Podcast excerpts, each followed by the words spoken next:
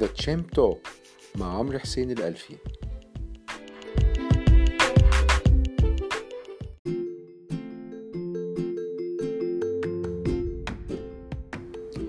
بسم الله الرحمن الرحيم. أهلا بيكم في حلقة جديدة من البرنامج الأسبوعي Champ Talk أول بودكاست بالعربي عن الاستثمار. معاكم عمرو حسين الألفي شريك مؤسس لموقع MarketChamp dot com ودي الحلقة رقم 13 في الحلقة النهارده بنتكلم عن استثمار في الأسهم بيبقى فيه بعض المعلومات إن لازم المستثمر يبقى واخد باله منها علشان الاستثمار بتاعه يبقى ناجح.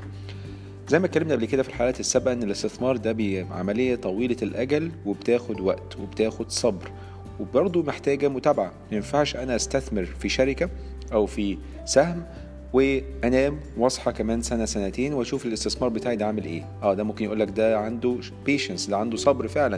ده قاعد على الشركة سنتين وبعد كده بيشوف الوضع عامل إزاي. ده مش هينفع. ليه؟ آه أنت ممكن تقعد تستثمر في شركة سنة وسنتين ولكن ما ينفعش تختفي عن الشركة لمدة سنة وسنتين. زي ما اتكلمت قبل كده في حلقات سابقة إن الاستثمار ده كأنك تحط نفسك كأنك فعلا صاحب مال. أنت صاحب الشركة ديت. أنت بقيت مساهم في هذه الشركة بقيت مدير مش مدير ولكن صاحب المال أنت بتراقب وكمالك هذه الشركة.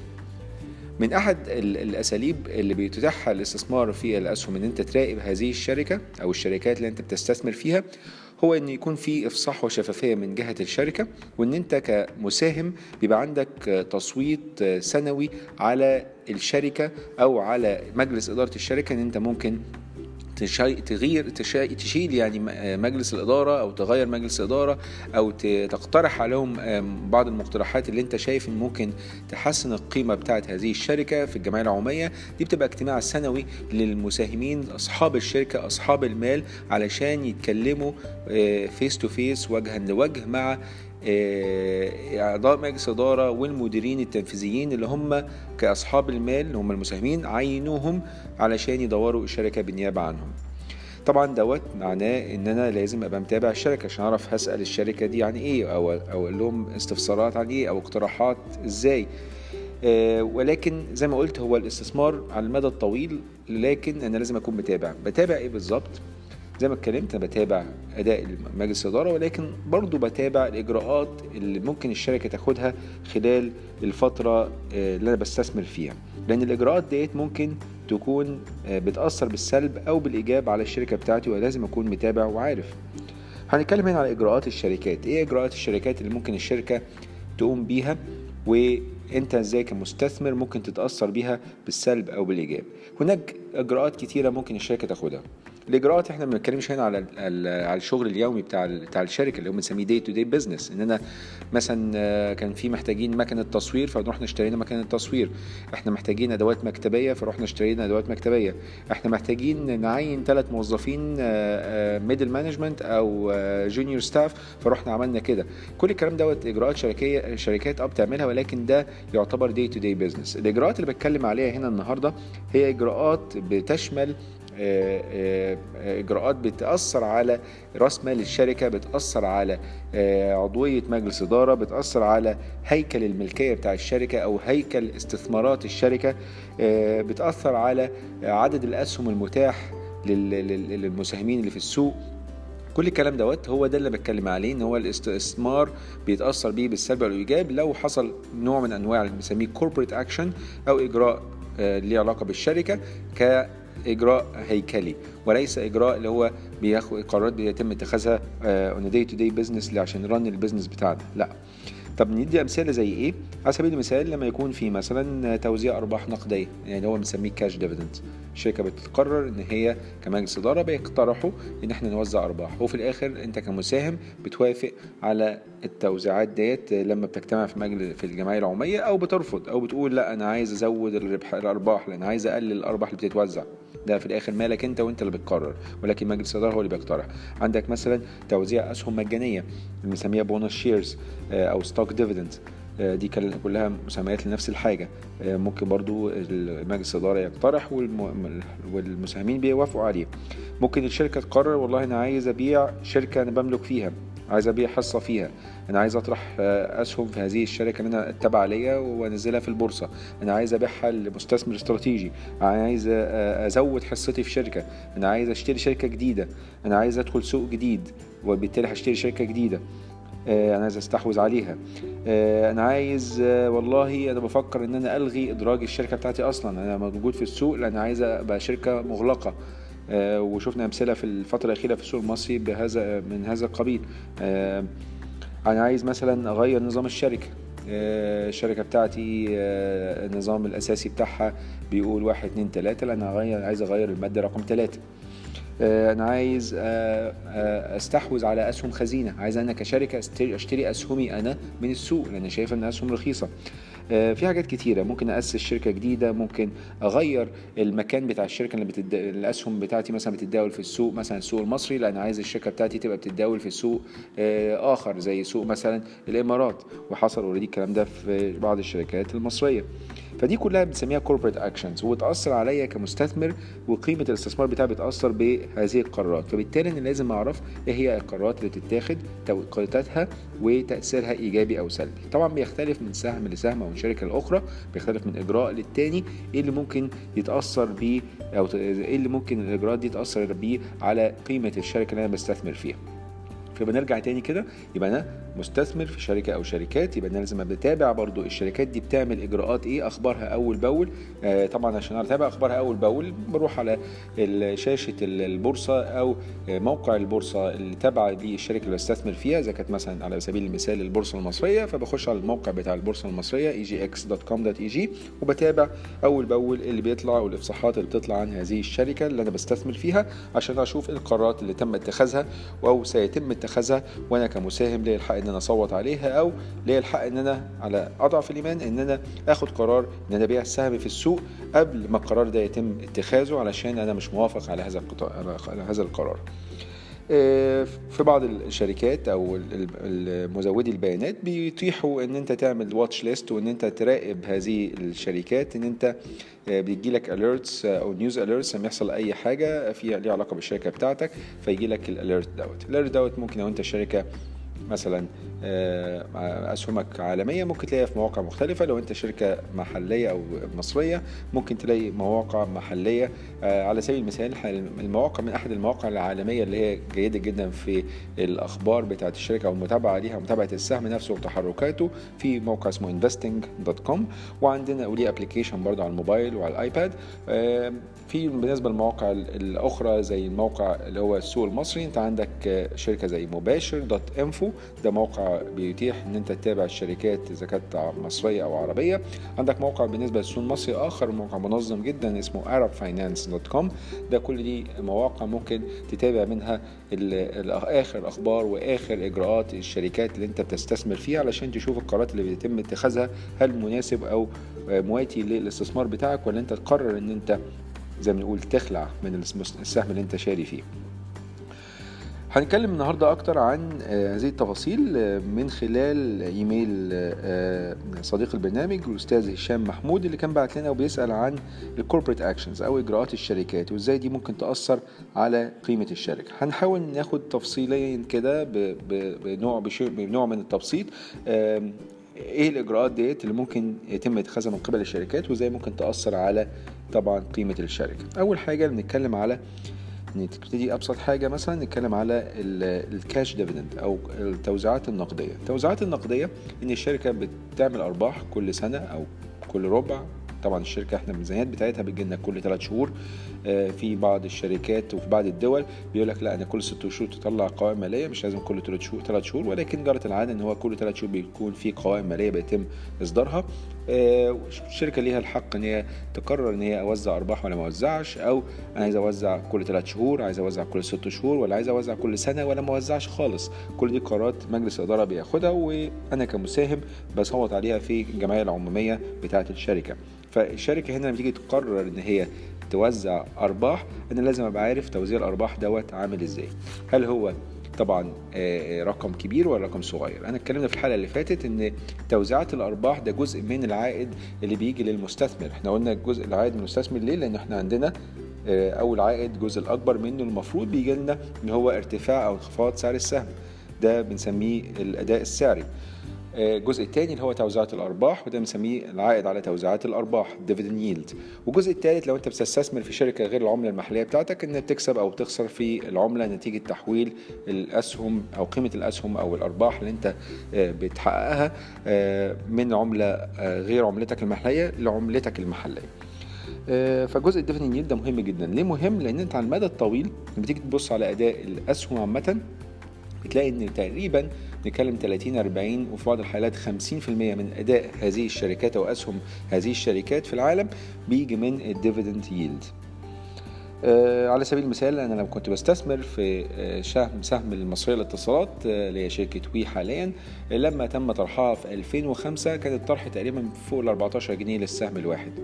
خلال الفترة ديت السهم يمكن ارتفع وبعد كده بصورة بسيطة ولكن بعد كده انخفض خلال السنوات الماضية وكان متوسط التداولات بتاعته. بنتكلم ما بين 10 ل 14 جنيه ويمكن في بعض الحالات نزل تحت ال 10 جنيه وقعد فترات تحت ال 10 جنيه ولكن ما عداش ال 14 جنيه بكتير. يعني كل ما يعدي ال 14 جنيه كان بيقعد فترة بسيطة وينزل تاني. خلال الفترة ديت لما أجي أشوف حجم الاستثمار بتاعي أنا قعدت فيه 10 سنين وجيت قررت في الآخر إن أبيع السهم بعته تقريبا ب 12 أو 13 جنيه فأنا خسران في السهم لأن اشتريته ب 14 في 2005 و جيت في الآخر بعته ب 12 وشوية أو 13 فأنا خسران في السهم خلال 10 سنين مش هناخد في اعتبارنا حتى كمان القيمة بتاعت القيمة الزمنية بتاعت الفلوس أو اللي هي بنسميها time value of money أنا خسرت طبعا فرصة بديلة ان كان ممكن استثمر هذه الأموال في في مثلا استثمار آخر بيجيب لي عائد. ولكن أنا بعتبر بس إن أنا هنا خسرت بس النسبة ديت النسبة البسيطة إن هي 14 جنيه قيمته بقت 12 13 جنيه. ولكن خلال ال 10 سنين ديت كانت الشركة بتوزع أرباح. لو كنا نحسب الأرباح بتاعه الشركة هتلاقي خلال الفترة دي كلها أنا لميت تقريبا أرباح ما يعادل تقريبا قيمة السهم اللي أنا كنت شاريه في الأول. ممكن يكون حوالي 14 15 جنيه. ف actually لما جيت بعت السهم أنا بعته أه ب 12 13 من خلال بس أنا خلال الفترة دي خدت تقريبا جنيه كل سنة آه جنيه وشوية نص جنيه. فعلى بعض كل الكلام دوت هتلاقي إن أنت تقريبا كسبان أو جالك عائد 30 جنيه للسهم. آه أنت استثمرت ب 14 جالك 30 خلال الفترة ديت عائد إيجابي. أو ممكن يكونش عائد كافي ولكن عائد إيجابي. فتوزيعات الأرباح دي مهمة جدا لازم نكون عارفها. طب بيفرق مع إيه؟ مع أداء السهم. طبعا إحنا اتكلمنا برضو الفترة اللي فاتت إنه الحلقة اللي فاتت بالذات إن إحنا قلنا إن توزيعات الأرباح لما بتخ لما الشركة بتعلن توزيع الأرباح آه ودي يمكن نفرد لها حلقة منفصلة. آه قيمة السهم بتنزل بالأرباح ديت. ليه؟ لأن إحنا قيمة السهم هي القيمة الحالية لأي توزيعات أرباح الشركة ممكن تعملها في المستقبل.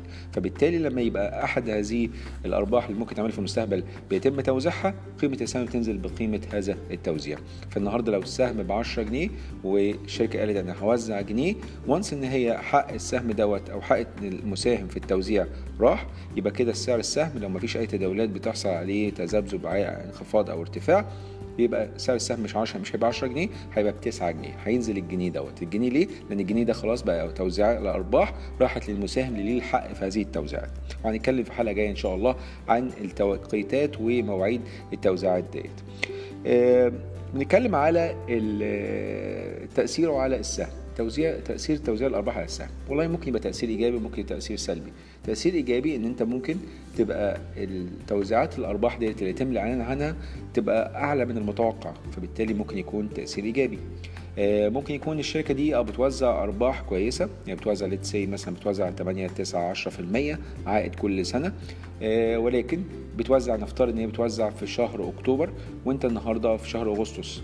ممكن يكون السهم already ابتدى يرتفع في الفترة الأخيرة علشان الشركة قربت توزع الأرباح بتاعتها. ولكن لما أجي أستثمر فيها أنا مش هستثمر في السهم دوت في أكتوبر أو في سبتمبر لا أنا المفروض أكون بستثمر فيه من إبريل علشان يبتدي ال time value money تشتغل والسهم يطلع مع الوقت لما يدي بقرب السهم لما يقرب من ميعاد التوزيعات بتلاقي إن السهم بيرتفع.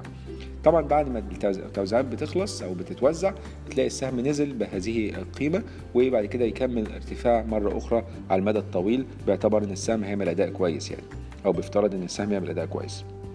فبالتالي بنخلي بالنا التوزيعات المقترحة من جانب إدارة الشركة هل هي آه، زي زي ما هي كانت بتوزع تاريخيا ولا هي أعلى من المتوقع. لو هي آه، أعلى من تاريخيا وأعلى من المتوقع دي بتبقى حاجة إيجابية للسهم. خصوصا مثلا في فجأة تلاقي شركة تقول لك أنا هوزع جنيه للسهم وهي أصلا سعر السهم 5 جنيه. يعني هتوزع لك 20% دي ما حدش كان متوقعها. فتلاقي السهم يرتفع بصورة كبيرة من ال 5 جنيه دي تبقى ب 6 7 جنيه وعشان التوزيع ده كان أعلى من المتوقع. طيب أنا أعمل إيه لما يكون حاجة زي كده؟ طبعا بيعتمد على الأسباب اللي الشركة بتوزع عليها هذه الأرباح. هل هي بتوزع نسبة عالية من الأرباح علشان ما عندهاش أي أوجه الاستثمار أخرى علشان تستثمر هذه الأموال فبالتالي بتوزع أرباح المساهمين بنسبة كبيرة؟ ولا هي فعلا عندها الوضع كويس جدا لدرجة إن هي عندها أريحية إن هي توزع أرباح عالية ومش هتأثر على الشركة بتاع بتاعتك؟ ولكن في أي حال من الأحوال السهم ممكن بدام أعلى من المتوقع. تلاقي السهم بيرتفع في خلال الكام يوم بعد الإعلان عن توزيع الأرباح بهذا الحجم.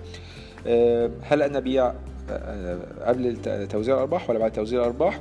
ده برضو بيرجع للاسباب بتاعه الإعلان عن الأرباح. ولكن عادة لو أنت مستثمر في الشركة علشان تارجت معين أو مستهدف معين والمستهدف ده وصل لك طبعا تخرج من السهم دوت لأن وصل المستهدف بتاعك إلا لو كان في جد جديد في الأسباب اللي أنت دخلت فيها الاستثمار من الأول. لكن لو أنت مستثمر على المدى الطويل مش فارق معاك الشركة توزع ما توزعش لا أنت هتفضل في السهم. طيب ده بالنسبة لتوزيع الأرباح. بالنسبة لتوزيع الأسهم المجانية توزيع الأسهم المجانية يمكن آه، يعتبر هو بيقولوا عليه أسهم مجانية ولكن في الحقيقة هو مش أسهم مجانية ولا حاجة. آه، هي بيسموها أسهم مجانية فقط علشان أنت بيجي لك سهم أنت ما دفعتش فيه فلوس. ولكن هو actually هو أنت دافع فيه فلوس. أنت already شاريه. أنت معاك السهم دوت. نفترض إن الشركة عندها 100 آه، مليون سهم وأنت شاري سهم من هذه من 100 مليون سهم دولت. بعد كده الشركة قالت أنا هوزع أسهم مجانية بحوالي 50 آه، مليون سهم تانيين. فانت هيجي لك كام؟ انت هيجي لك لو انت نفترض مش عندك سهم عندك 10 أسهم انت هيجي لك خمس أسهم زيادة. ال 10 أسهم هتزود عليهم خمس أسهم هيبقى معاك 15 سهم. بس انت ما دفعتش حاجة في الخمس أسهم الزيادة دول. انت عندك 10 أسهم هيجي لك خمس أسهم ما دفعتش فيهم أي حاجة هيبقى معاك 15 سهم. طب الشركة نيجي نبص من وجهة نظر الشركة إيه اللي حصل؟ الشركة دي هتصدر أسهم جديدة من غير ما حد يدفع فيها أي فلوس بس لازم يتم تمويلها. بيتم تمويلها عن طريق أحد هذه الموارد التمويل بيبقى ومصادر التمويل بيبقى الأرباح المحتجزة. فالشركة بتقول والله أنا عندي في قيمه قيمه المساهمين أو حقوق المساهمين عندي مبلغ معين في الأرباح المحتجزة. ممكن يكون كمان من الاحتياطي العام. بيتم تحويله لرأس مال المصدر بالنسبة للشركة. وقصاد هذا هذه الاموال اللي تم تحويلها منها وفيها اللي هي حقوق المساهمين بيتم إصدار أسهم جديدة. فبالتالي الشركة بدل ما عندها 100 مليون سهم يبقى عندها 150 مليون سهم. طب أنا كمساهم إيه اللي حصل؟ أنا خدت أسهم آه ما دفعتش فيها فلوس. فلوس ولكن قيمة الأسهم لل 15 بقى سهم اللي معايا دول قيمة كل سهم منهم هتقل. بمعنى آخر إن أنا كل اللي عملته لأن لما نيجي نبص على البالانس شيت أو المركز المالي بتاع الشركة أن القيمة نفسها كفلوس ما اتغيرتش هي نفس الفلوس. كل اللي حصل إن أنا خدت فلوس من الأرباح المحتجزة حطيتها في رأس المال فزودت عدد الأسهم. ولكن القيمة كلها زي ما هي. فالقيمة السوقية من ناحية تانية برضو المفروض تبقى زي ما هي. إيه اللي هيحصل؟ نفس القيمة السوقية بقسمها على عدد أسهم أكتر فبالتالي سعر السهم بينخفض. طب هل أنا كده كسبت ولا خسرت؟ لا تكسب ولا تخسر. هو نفس قيمة الأسهم المحفظة بتاعتك نفترض لو هي كانت ب 1000 جنيه هي نفسها كانت متوزعة على 10 أسهم هي نفسها هتبقى 1000 جنيه متوزعة على 15 سهم. فبالتالي قيمة السهم هتنزل. أه ولكن في بعض البلاد وفي مصر في وقت من الأوقات في يعني في في قبل في أوائل الألفينات وقبل الألفينات إن إحنا كان لما شركة بتوزع اسهم مجانيه كانت بحقيقة قيمة أسهمها بترتفع. بترتفع ليه؟ جزء آه، ليها جزئين. الجزء الأولاني إن لما بترفع بتوزع اسهم مجانيه سعر السهم بينزل زي ما قلت. لو أنت السهم بتاعك كان ب 10 جنيه هينزل يبقى تحت ال 10 جنيه.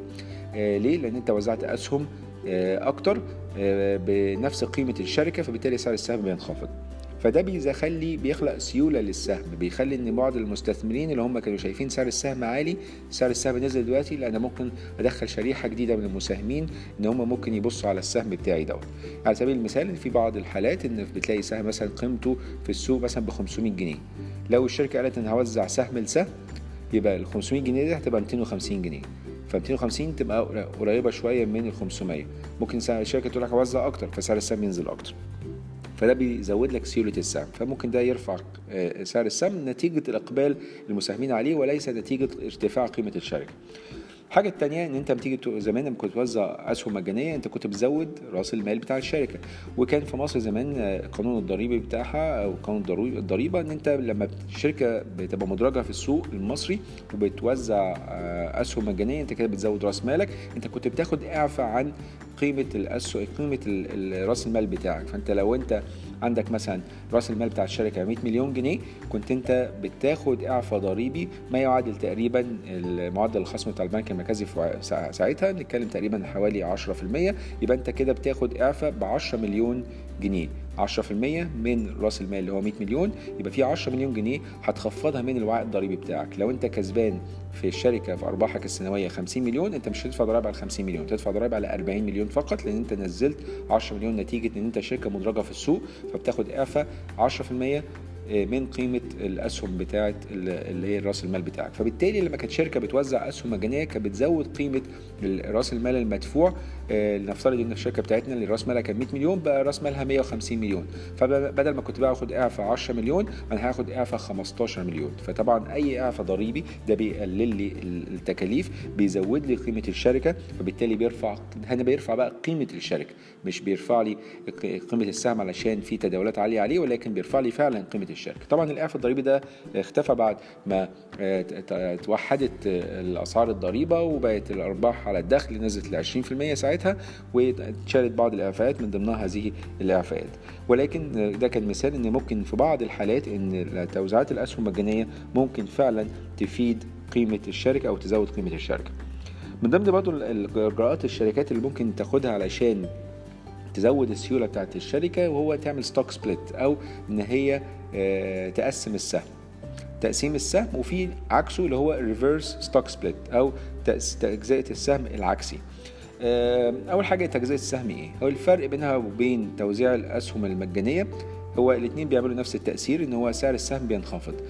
الفكرة هنا إن أنا لما بقول stock split أنا السهم بقسمه. السهم دوت لو أنت معاك سهم نفترض إن معاك ال10 أسهم بتوع نفس الشركة قلت لك أنا هوزع سهم لسهم. ال10 أسهم اللي معاك دولت فجأة بقوا 20 سهم. طيب إيه اللي حصل في الشركة؟ هل قيمة الشركة زادت؟ لا. هل في دخل لها نقدية جديدة؟ لا. إيه اللي حصل؟ إن أنا قيمة الشركة بدل ما كنت موزعها على 100 مليون سهم بقيت موزعها على 200 مليون سهم. يبقى سعر السهم هيحصل فيه إيه؟ هينزل النص. تمام؟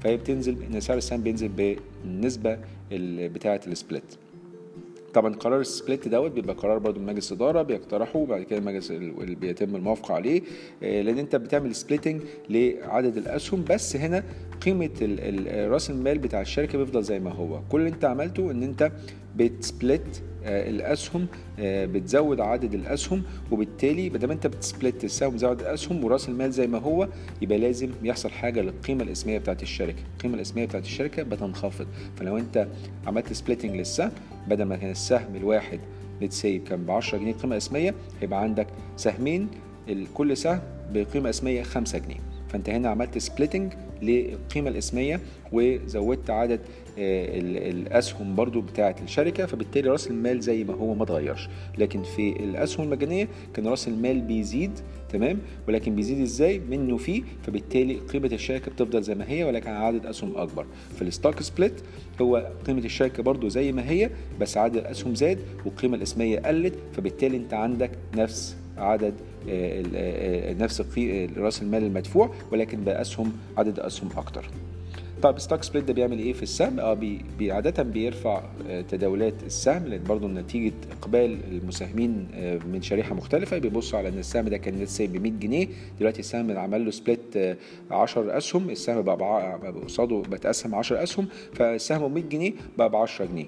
فبقى بيدخل شريحة جديدة من المساهمين اللي هم بيحبوا الأسهم اللي هي منخفضة السعر فده مفروض ما ما يزودش قيمة الشركة ولكن ممكن يزود قيمة السهم أو سعر السهم في السوق لأن هو بيبقى فيه إقبال عليه. طبعا من ضمن الإجراءات المهمة جدا اللي الشركة بتعملها هو إجراءات زيادة رأس المال. بس قبل ما نخش على اجراءات زياده رأس المال نرجع بس لحتة split أنا اتكلمت على ال reverse stock split reverse stock split بيحصل العكس. بدل ما أنت كنت بتقسم السهم لا أنت هتجمع السهم. فنفترض إن أنت الشركة بتاعتك فيها 200 مليون سهم أنت لا هتخلي كل سهمين يساووا سهم. فبالتالي ال 200 مليون سهم هيبقوا 100 سهم. طب إيه اللي حصل للقيمة الإسمية؟ القيمة الإسمية بدل ما هي كانت ب 5 جنيه هترجع تاني العكس تبقى ب 10 جنيه. فأنت هنا قللت عدد الأسهم والهدف الأساسي اللي بيحصل من ال reverse stock split إيه؟ إن بعض أسهم الشركات سعرها بينزل بصورة كبيرة جدا لغاية ما يبقى let's say إن هو تحت الجنيه أو تحت الدولار. وفي بعض المستثمرين زي المؤسسات المالية أو مدير الاستثمار للمؤسسات بيقول لك لا أنا مش هدخل في أي سهم سعر السهم بتاعه تحت الجنيه أو تحت الدولار. فبالتالي لما يعمل reverse stock split هو بيجمع لك أسهم أكتر ويقلل لك عدد الاسهم علشان يرفع سعر السهم الواحد. فبالتالي بدل ما كان في مستثمرين مش عايزين أو مش قادرين يدخلوا في هذا السهم كده بيخلق برضو شريحة جديدة ممكن تخش في السهم. نرجع بقى لحتة ال capital increase أو زيادة رأس المال. دي مهمة جدا لأن أنت لو حصل زيادة رأس مال في الشركة وانت ما اكتتبتش في هذه زيادة رأس المال أو زيادة رأس المال ديت انت ممكن فعلا سهمك يتضر وممكن تخسر في بعض الحالات ممكن تخسر 80 و90% من فلوسك.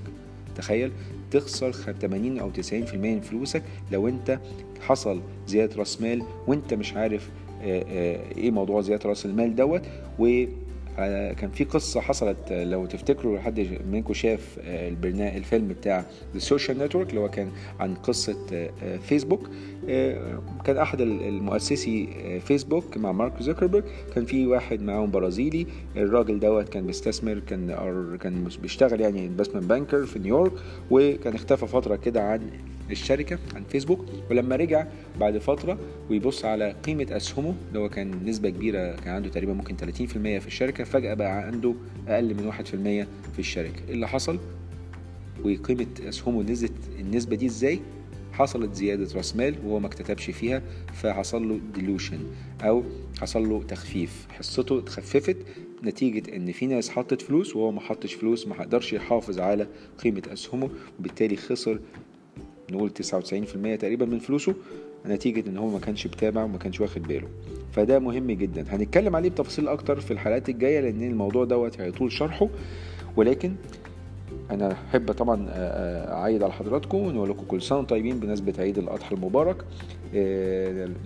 يعيدوا علينا جميعا بالخير واليمن والبركات إن شاء الله. ونتمنى إن شاء الله تكون الحلقة دي يعني مفيدة.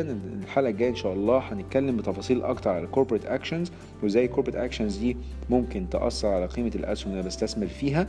وهدي أمثلة برضو لبعض الإجراءات اللي إحنا اتكلمنا عليها إذا كانت cash dividend stock dividend stock split ومؤخرا نتكلم على زيادة رأس المال واكتتابات و delisting من البورصة. كل الكلام دوت بأمثلة إزاي ممكن يأثر بالإيجاب والسلب على استثماراتنا. بكده تكون انتهت حلقتنا الأسبوع دوت. تابعونا على موقعنا marketchimp.com والمنصات المعروفة زي Apple Podcast Google Podcast Spotify وتطبيق ونس. وتواصلوا معنا على الإيميل بتاعنا talk at marketchimp.com talk at marketchimp.com كان معكم عمرو حسين الألفي من Market Chimp لكم مني أرق أمنياتي والسلام عليكم ورحمة الله وبركاته.